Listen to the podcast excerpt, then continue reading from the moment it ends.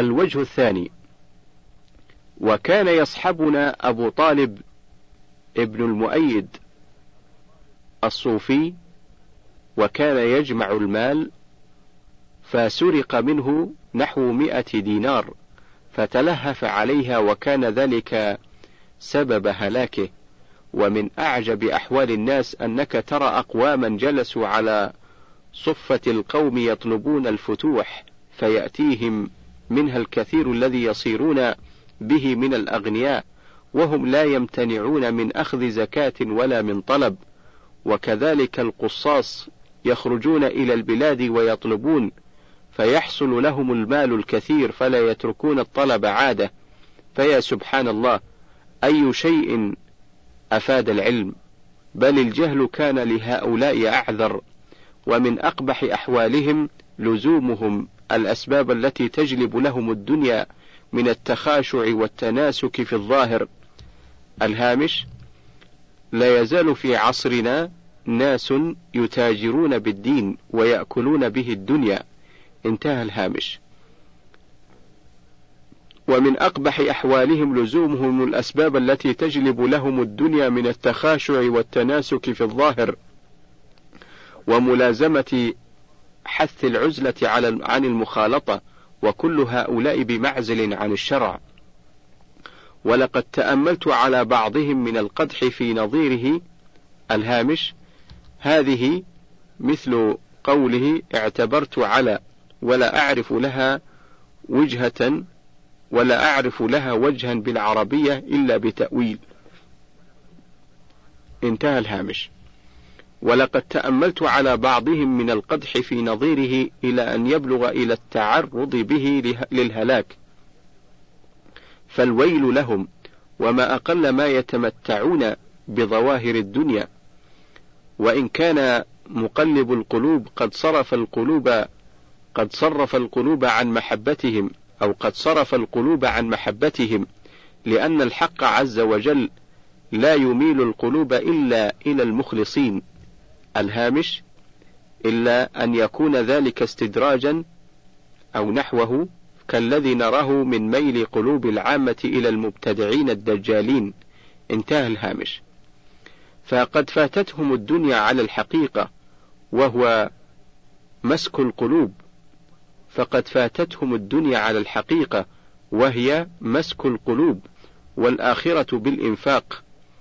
وما حصلوا إلا صورة الحطام.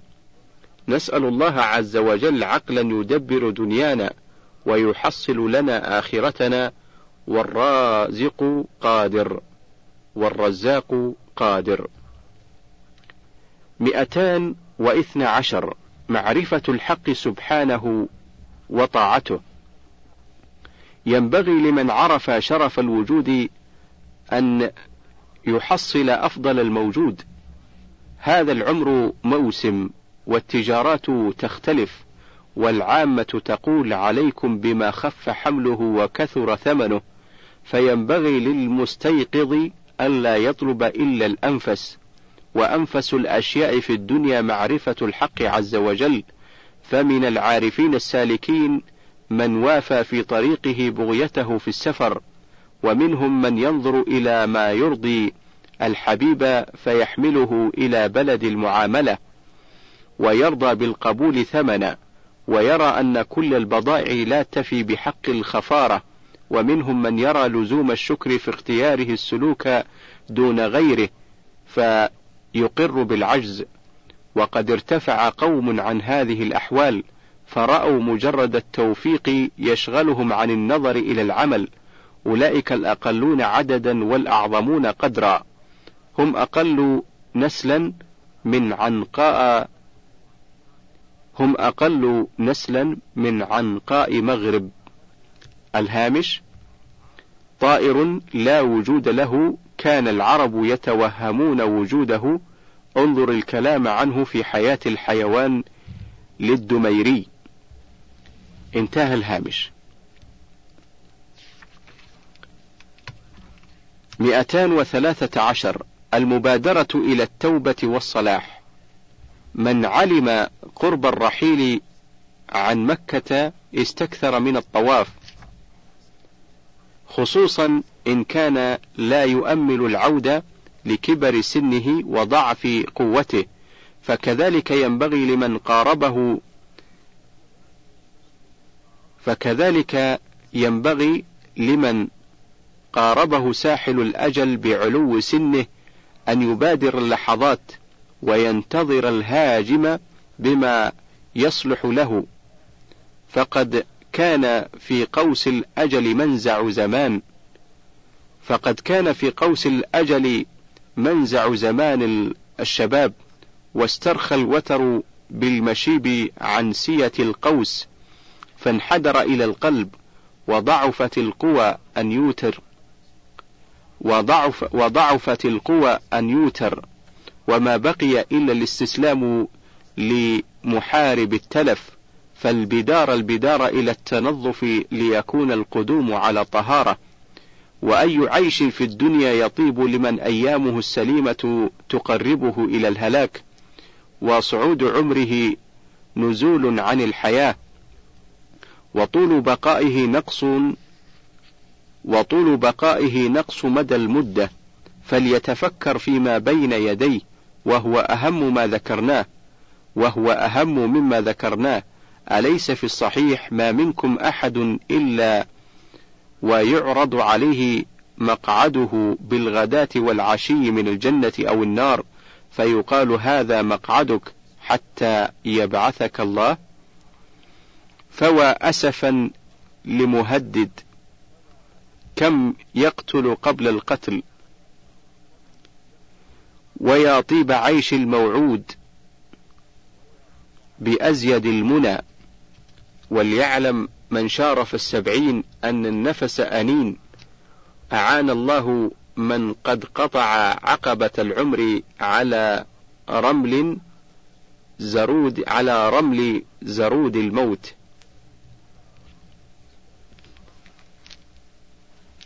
مئتان وأربعة عشر. الاقتداء بالنبي صلى الله عليه وسلم الاقتداء بالنبي عليه السلام في التسليم إلى الله عز وجل. من أراد أن يعلم حقيقة الرضا عند الله من أراد أن يعلم حقيقة الرضا عن الله عز وجل في أفعاله وأن يدري من أين نشأ الرضا فليتفكر في أحوال رسول الله صلى الله عليه وسلم. فإنه لما تكاملت معرفته بالخالق سبحانه رأى أن الخالق مالك وللمالك التصرف في مملوكه وللمالك التصرف في مملوكه ورآه حكيما لا يصنع شيئا عبثا فسلم تسليم مملوك لحكيم.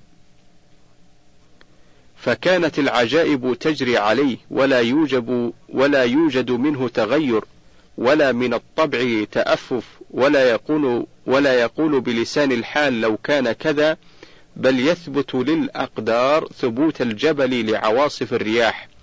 هذا سيد الرسل صلى الله عليه وسلم. بعث إلى الخلق وحده والكفر قد ملأ الآفاق. فجعل يفر من مكان إلى مكان. واستتر في دار الخيزران. الهامش كانت دار الأرقم وهي في أصل الصفا ولم تكن خلقت الخيزران وإنما انتهت إليها الدار بعد ذلك. انتهى الهامش. واستتر في دار الخيزران. وهم يضربونه إذا خرج ويدمون عقبه وألقي السلا على ظهره وهو ساكت ساكن ويخرج كل موسم فيقول من يؤويني من ينصرني. ثم خرج إلى مكة ثم خرج من مكة فلم يقدر على العود إلا في جوار كافر ولم يوجد من الطبع تأفف ولا من الباطن اعتراض إذ لو كان غيره لقال يا ربي أنت مالك الخلق وقادر على النصر فلما أذل؟ كما قال عمر رضي الله عنه يوم صلح الحديبية ألسنا على الحق؟ فلما نعطي الدنية في ديننا؟ ولما قال هذا قال له الرسول صلى الله عليه وسلم إني عبد الله ولن يضيعني. فجمعت الكلمتان الأصلين فجمعت الكلمتان الأصلين اللذين ذكرناهما فقوله إني عبد الله إقرار بالملك وكأنه قال أنا مملوك يفعل بي ما يشاء. أنا مملوك يفعل بي ما يشاء وقوله لن يضيعني بيان حكمته وأنه لا يفعل شيئا عبثا. ثم يبتلى بالجوع فيشد الحجر ولله خزائن السماوات والأرض. وتقتل أصحابه ويشج وجهه وتكسر رباعيته ويمثل بعمه وهو ساكت. الهامش ويمثل بعمه عمه هو حمزة مثل به في أحد. انتهى الهامش. ثم يرزق ابنا ويسلب منه فيتعلل بالحسن والحسين فيخبر فيخبر بما سيجري عليهما ويسكن بالطبع إلى عائشة رضي الله عنها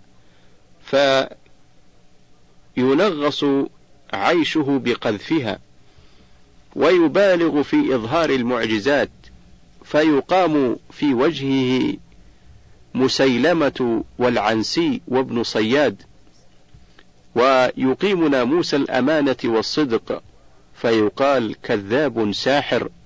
ثم يعلقه المرض كما يوعك رجلان وهو ساكن ساكت. فإن أخبر بحاله فليعلم الصبر. فإن أخبر بحاله فليعلم الصبر. ثم يشتد عليه الموت. فيسلب روحه الشريف. فيسلب روحه الشريفة. وهو مضطجع في كساء ملبد وإزرار غليظ وليس عندهم زيت يوقد به المصباح ليلتئذ ليلة إذ وليس عندهم زيت يوقد به المصباح ليلة إذ.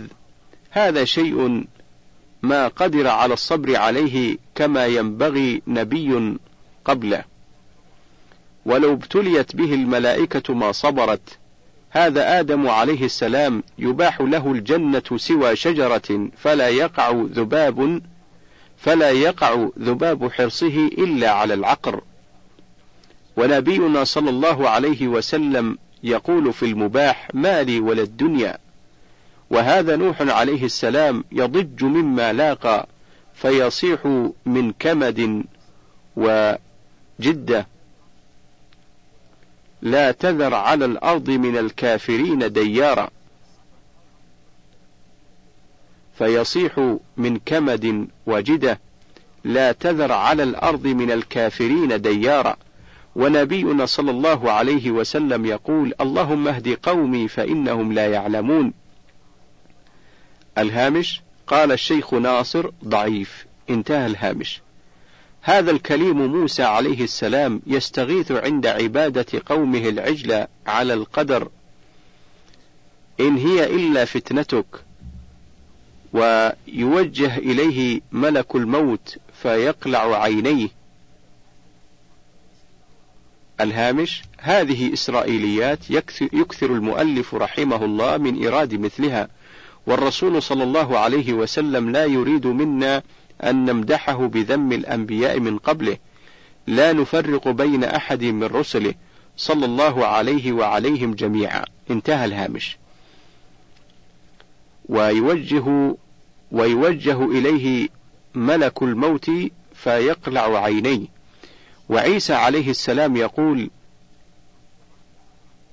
إن صرفت الموت على أحد فأصرفه عني. إن صرفت الموت عن أحد فاصرفه عني. ونبينا صلى الله عليه وسلم يخير بين البقاء والموت فيختار الرحيل إلى الرفيق الأعلى. هذا سليمان عليه السلام يقول هب لي ملكا. ونبينا صلى الله عليه وسلم يقول اللهم اجعل رزق آل محمد قوتا. هذا والله فعل رجل عرف الوجود والموجد فماتت أغراضه وسكنت اعتراضاته. فصار هواه فيما يجري. مئتان وخمسة عشر. من عرف النساء رضي بزوجته. أكثر شهوات الحس النساء. وقد يرى الإنسان امرأة في ثيابها فيتخايل له أنها أحسن من زوجته أو يتصي أو يتصور بفكره المستحسنات وفكره لا ينظر إلا إلى الحسن من المرأة فيسعى في التزوج والتسري.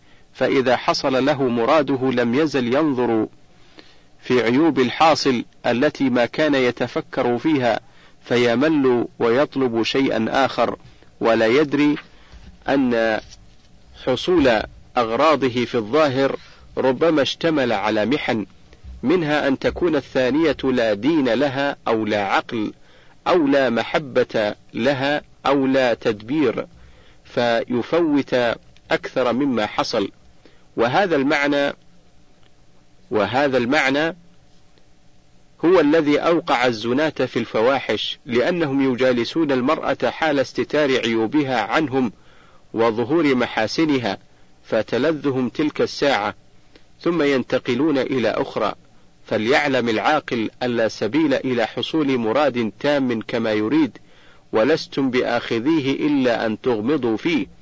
وما عيب نساء الدنيا بأحسن من قوله عز وجل ولهم فيها أزواج مطهرة وذو الأنفة يأنف من الوسخ صورة وعيب الخلق معنى فليقنع بما باطنه الدين وظاهره الستر والقناعة فإنه يعيش مرفه السر طيب القلب ومتى استكثر فإنما يستكثر من شغل قلبه فإنما يستكثر من شغل قلبه ورقة دينه. 216 تعدد الصناعات. سبحان من شغل كل شخص بفن لتنام العيون في الدنيا. فأما العلوم فحبب إلى هذا القرآن. وإلى هذا الحديث. إذ لولا ذلك ما حفظت العلوم. وألهم هذا المتعيش أن يكون خبازا وهذا أن يكون هراسا وهذا أن ينقل الشوك من الصحراء وهذا أن ينقي البثار ليلتئم, ليلتئم أمر الخلق. ولو ألهم أكثر الناس أن يكونوا خبازين مثلا بات الخبز وهلك. الهامش أي كثر فكسد وفسد. انتهى الهامش. بات الخبز وهلك أو هراسين جفت الهرايس. أو هراسين جفت الهرايس. بل يلهم هذا بقدر لينتظم أمر الدنيا وأمر الآخرة ويندر من الخلق من يلهمه الكمال. وطلب الأفضل ويندر من الخلق من يلهمه الكمال وطلب الأفضل والجمع بين العلوم والأعمال ومعاملة القلوب. بل يلهم هذا بقدر بقدر لينتظم أمر الدنيا وأمر الآخرة ويندر من الخلق من يلهمه الكمال وطلب الأفضل والجمع بين العلوم والأعمال ومعاملات القلوب. وتتفاوت أرباب هذه الحال. فسبحان من يخلق ما يشاء ويختار ونسأله العفو إن لم يقع الرضا والسلامة إن لم نصلح إن لم نصلح للمعاملة. 217 أحاديث الزهد. علم الحديث هو الشريعة لأنه مبين للقرآن وموضح للحلال والحرام وكاشف عن سير رسول الله صلى الله عليه وسلم وسير أصحابه وقد مزجوه بالكذب وأدخلوا في المنقولات كل قبيح فإذا وفق الزاهد والواعظ لم يذكر إلا ما شهد بصحته. وإن حرم التوفيق عمل الزاهد بكل حديث يسمعه لحسن ظنه بالرواه وقال الواعظ كل شيء يراه لجهله بالتصحيح. ففسدت ففسدت أحوال الزاهد وانحرف عن جادة الهدى وهو لا يعلم. وكيف لا وعموم الأحاديث الدالة على الزهد لا تثبت. مثل حديث ابن عمر رضي الله عنهما أيما امرئ مسلم اشتهى شهوة فرد شهوته وآثر على نفسه غفر له. وهذا حديث موضوع. يمنع الإنسان ما أبيح له مما يتقوى به على الطاعة ومثل قوله من وضع ثيابا حسانا وكذلك ما روى وكذلك ما رووا أن رسول الله صلى الله عليه وسلم قدم له أدمان فقال أدمان في قدح لا حاجة لي فيه. أكره أن يسألني الله عن فضول الدنيا. وفي الصحيح أن رسول الله صلى الله عليه وسلم أكل البطيخ بالرطب. ومثل هذا إذا تتبع كثير فقد بنوا على فساده ففسدت أحوال الواعظ والموعوظ لأنه يبني كلامه على أشياء فاسدة ومحالات, ومحالات. ولقد كان جماعة من المتزاهدين يعملون على أحاديث ومنقولات لا تصح فيضيع زمانهم في غير المشروع ثم ينكرون على العلماء استعمالهم للمباحات ويرون أن التجفف هو الدين وكذلك الوعاظ يحدثون الناس بما لا يصح عن الرسول صلى الله عليه وسلم ولا أصحابه فقد صار المحال عندهم شريعة فسبحان من حفظ هذه الشريعة بأخبار أخيار ينفون عنها تحريف الغالين وانتحال المبطلين. 218 مسند أحمد. كان قد سألني بعض أصحاب الحديث هل في مسند أحمد ما ليس بصحيح فقلت نعم. فعظم ذلك على جماعة ينسبون إلى المذهب. فحملت أمرهم على أنهم عوام وأهملت فكر ذلك. وإذا بهم قد كتبوا فتاوى فكتب فيها جماعة من أهل خراسان منهم أبو العلاء الهمداني يعظمون هذا القول ويردونه ويقبحون قول من قاله. فبقيت دهشا متعجبا وقلت في نفسي وعجبا صار المنتسبون إلى العلم عامة أيضا. وما ذاك إلا أنهم سمعوا الحديث ولم يبحثوا عن صحيحه وسقيمه وظنوا أن من قال ما قلته قد تعرض للطعن فيما أخرجه أحمد وليس كذلك فإن الإمام أحمد روى المشهور والجيد والرديء ثم هو رد كثيرا مما روي ولم يقبل به ولم يجعله مذهبا له. أليس هو القائل في حديث الوضوء بالنبيذ مجهول؟ ومن نظر في كتاب العلل الذي صنفه أبو بكر الخلال؟ الهامش هو أحمد ابن محمد مفسر. هو أحمد بن محمد مفسر لغوي من كبار الحنابلة له كتاب الجامع لعلوم الإمام أحمد. توفي في بغداد سنة إحدى عشر وثلاثمائة للهجرة. انتهى الهامش. ومن نظر في كتاب العلل الذي صنفه أبو بكر الخلال رأى حديث كثيرة كلها في المسند. وقد طعن فيها أحمد. ونقلت من خط القاضي أبي يعلى محمد بن الحسين الفراء في مسألة النبيذ. الهامش صاحب الأحكام السلطانية. وهو مثل كتاب الأحكام السلطانية للماوردي وهو عالم عصره. كان مقربا من الخلفاء العباسيين وولي القضاء لهم بشرط ألا يحضر أيام الموكب ولا يخرج في الاستقبالات ولا يدخل دار السلطان. وكان شيخ الحنابلة في زمانه توفي سنة 58 و400 للهجرة. انتهى الهامش. ونقلت من خط القاضي أبي يعلى محمد بن الحسين الفراء في مسألة النبيذ. قال إنما روى أحمد في مسنده ما اشتهر ولم يقصد الصحيح ولا السقيم. ويدل على ذلك أن عبد الله قال قلت لأبي ما تقول في حديث ربعي بن حراس عن حذيفة؟ قال الذي يرويه عبد العزيز ابن أبي رواد الهامش هو العتكي أو العتكي مولى المهلب المتوفى سنة تسع وخمسين ومائة للهجرة. انتهى الهامش. قال الذي يرويه عبد العزيز ابن أبي رواد قلت نعم. قال الأحاديث بخلافه. قلت فقد ذكرته فقد ذكرته في المسند.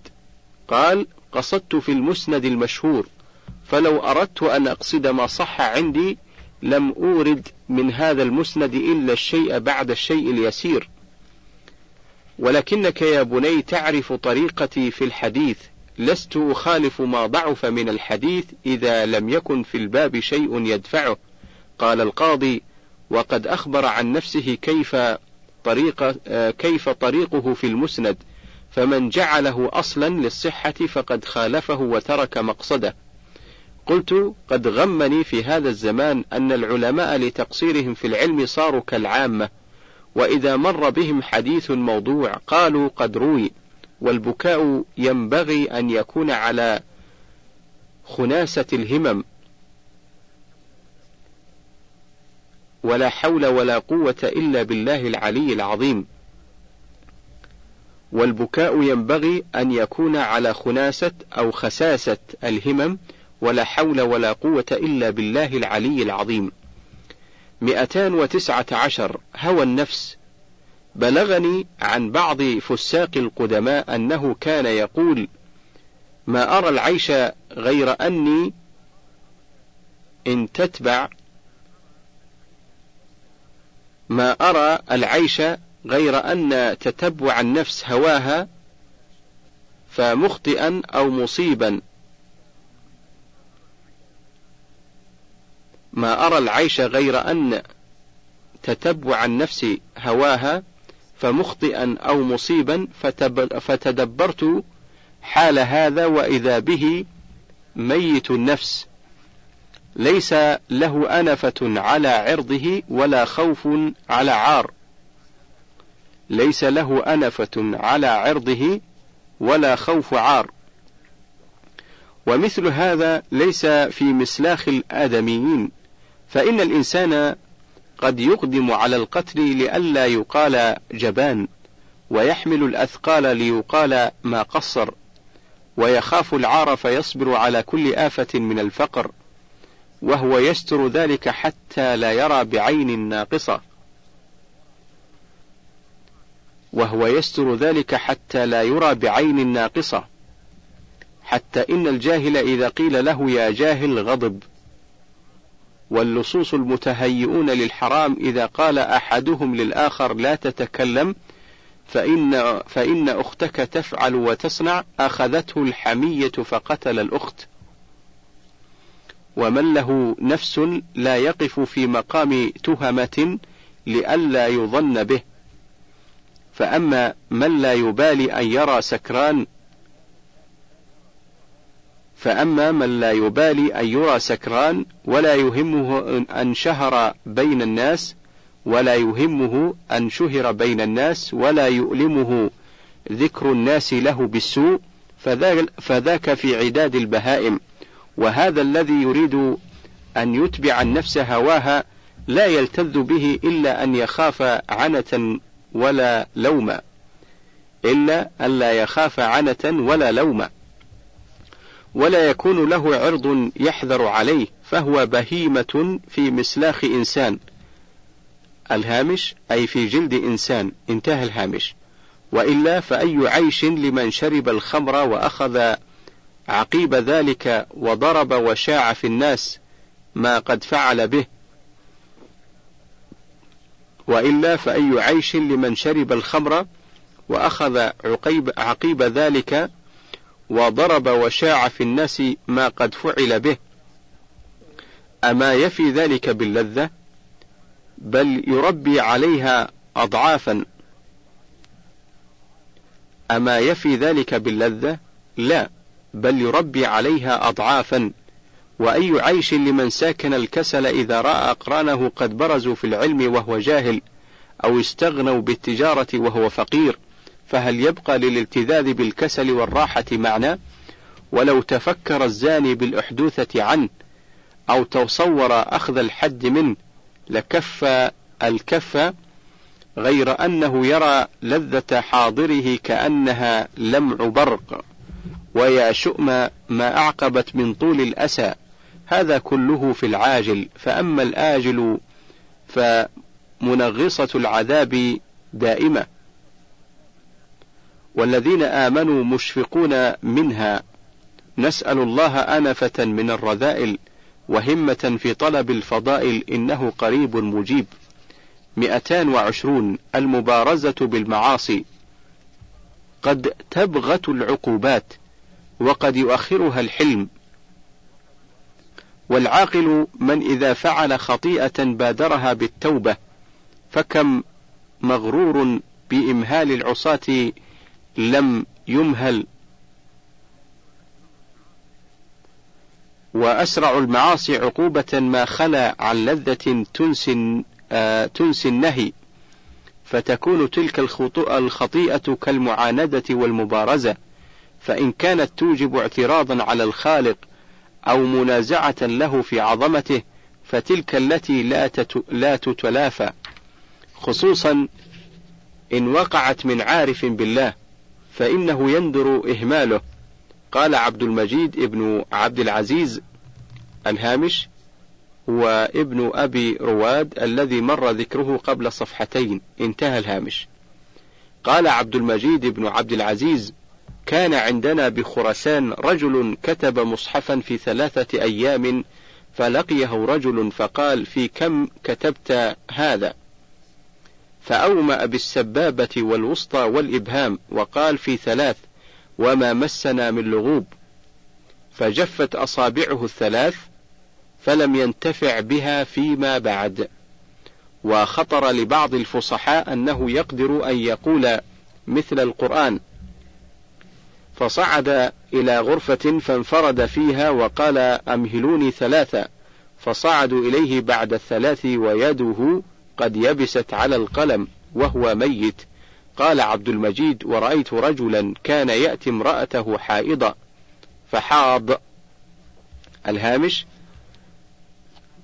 الحديث الصحيح السند إن كان مخالفا للمشاهد للمشاهد المحسوس حكم بأن رسول الله صلى الله عليه وسلم لم يقل فكيف بمثل هذه الأخبار التي لا أصل لها؟ ومتى رأى الناس رجلا حاض؟ انتهى الهامش. فلما كثر الأمر به تاب فانقطع عنه. ويلحق هذا أن يعير الإنسان شخصا بفعل وأعظمه أن يعيره بما ليس لا إليه. فيقول يا أعمى ويا قبيح الخلقة وقد قال ابن سيرين عيرت رجلا بالفقر فحبست على دين. وقد تتأخر العقوبة وتأتي في آخر العمر. فيا طول التعثير مع كبر السن لذنوب كانت في الشباب. فالحذر الحذر من عواقب الخطايا والبدار البدار إلى محوها بالإنابة. فلها تأثيرات قبيحة إن أسرعت وإلا اجتمعت وجاءت. مئتان وواحد وعشرون جمع المال. اعلم أن الآدمي خلق لأمر عظيم وهو مطالب بمعرفة خالقه بالدليل الهامش. أما الدليل العقلي الذي تمتلئ بمثله كتب علم الكلام فلم يوجبه الله على المؤمن ولقد كان السلف لا يعرفونه وإيمانهم أثبت من الجبال الرواسي. انتهى الهامش. وهو مطالب بمعرفة خالقه بالدليل ولا يكفيه التقليد وذلك يفتقر إلى جمع الهم في طلبه. وهو مطالب بإقامة المفروضات واجتناب المحارم واجتناب المحارم فإن سمت همته إلى طلب العلم احتاج إلى زيادة جمع الهم. فأسعد الناس من له قوت. فأسعد الناس من له قوت دار بقدر الكفاية. لا من منن الناس وصدقاتهم وقد قنع به فإنه حينئذ يجتمع همه لمطلوباته من الدين والدنيا والعلم. وأما إذا لم يكن له قوت يكفي فالهم الذي يريد اجتماعه في تلك الأمور يتشتت ويصير طالبا للتحيل في القوت. فيذهب العمر في تحصيل قوت البدن الذي يريد من بقائه غير بقائه ويفوت المقصود ببقائه. وربما احتاج إلى الأنذال قال الشاعر حسبي من الدهر ما كفاني يصون عرضي عن الهوان. مخافة أن يقول قوم فضل فلان على فلان فينبغي للعاقل إذا رزق قوتا أو كان له مواد أن يحفظها ليتجمع همه. ولا ينبغي أن يبذر في ذلك ولا ينبغي أن يبذر في ذلك فإنه يحتاج فيتشتت همه والنفس إذا أحرزت قوتها اطمأنت. فإن لم يكن له مال اكتسب بقدر كفايته وقلل الغلو ليجمع همه وليقنع بالقليل فإنه متى سمت همته إلى فضول المال وقع المحذور من التشتت لأن التشتت في الأول للعدم وهذا التشتت يكون للحرص على الفضول فيذهب العمر على البارد. ومن ينفق الأيام في حفظ ماله مخافة فقر فالذي فعل الفقر. فافهم هذا يا صاحب الهمة في طلب الفضائل فإنك ما لم تعزل قوت الصبيان شتتوا قلبك. وطبعك طفل ففرغ همك من استعانته. واعرف قدر شرف المال الذي أوجب جمع همك وصان عرضك عن الخلق. وإياك أن يحملك الكرم على فرط الإخراج فتصير كالفقير المتعرض لك بالتعرض لغيرك. وفي الحديث أن رجلا أتى رسول الله صلى الله عليه وسلم فرأى عليه آثار الفقر فعرض به فأعطي شيئا. فرأى عليه آثار الفقر فعرض به فأعطي شيئا. فجاء فقير آخر فآثره الأول ببعض ما أعطي فرماه النبي صلى الله عليه وسلم إليه ونهاه عن مثل ذلك. والقناعة بما يكفي وترك التشوف إلى الفضول أصل الأصول والقناعة بما يكفي وترك التشوف إلى الفضول أصل الأصول. ولما أيس الإمام أحمد بن حنبل ولما أيأس الإمام أحمد بن حنبل نفسه من قبول الهدايا والصلات اجتمع همه وحسن ذكره ولما أطمعها ابن المديني الهامش هو علي بن عبد الله كان حافظ عصره توفي بسامراء سنة أربع وثلاثين ومائتي للهجرة. انتهى الهامش. ولما أطمعها ابن المديني وغيره سقط ذكرهم ثم في من يطمع. إنما هو سلطان جائر أو مزك منان أو صديق مذل بما يعطي والعز ألذ من كل لذة والخروج عن ربقة المنن ولو بسف التراب. والعز ألذ من كل لذة والخروج عن ربقة المنن ولو بسف التراب. مئتان واثنان وعشرون. التجلد عند النكبات. قد ركب في الطباع حب التفضيل على الجنس فما أحد إلا وهو يحب أن يكون أعلى درجة من غيره. فإذا وقعت نكبة أوجبت نزوله عن مرتبة عن مرتبة سواه فينبغي له أن يتجلد بستر بستر تلك النكبة لئلا يرى لئلا يرى بعين نقص وليتجمل المتعفف حتى لا يرى بعين الرحمة وليتحامل المريض لئلا يشمت به ذو العافية. وقد قال صلى الله عليه وسلم لأصحابه حين قدومه مكة وقد أخذتهم الحمى فخاف أن يشمت بهم الأعداء حين ضعفهم عن السعي فقال رحم الله من أظهر من نفسه الجلد. فرملوا والرمل شدة السعي. وزال ذلك السبب وبقي الحكم ليتذكر ليتذكر السبب فيفهم معناه. واستأذنوا على معاوية وهو في الموت فقال لأهله أجلسوني. فقعد متمكنا يظهر العافية. فلما خرج العواد أنشد وتجلدي للشامتين أريهم أني لريب الدهر لا أتضعضع. أني لريب الدهر لا أتضعضع.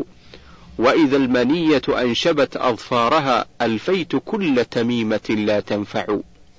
الهامش من قصيدة أبي ذؤيب أمن المنون وريبها تتوجع وهي من أجمل المراثي. انتهى الهامش. وما زال العقلاء يظهرون التجلد عند المصائب والفقر والبلاء لئلا يتحملوا مع النوائب شماتة الأعداء وإنها لأشد من كل نائبة وكان فقيرهم يظهر الغنى ومريضهم يظهر العافية بلى.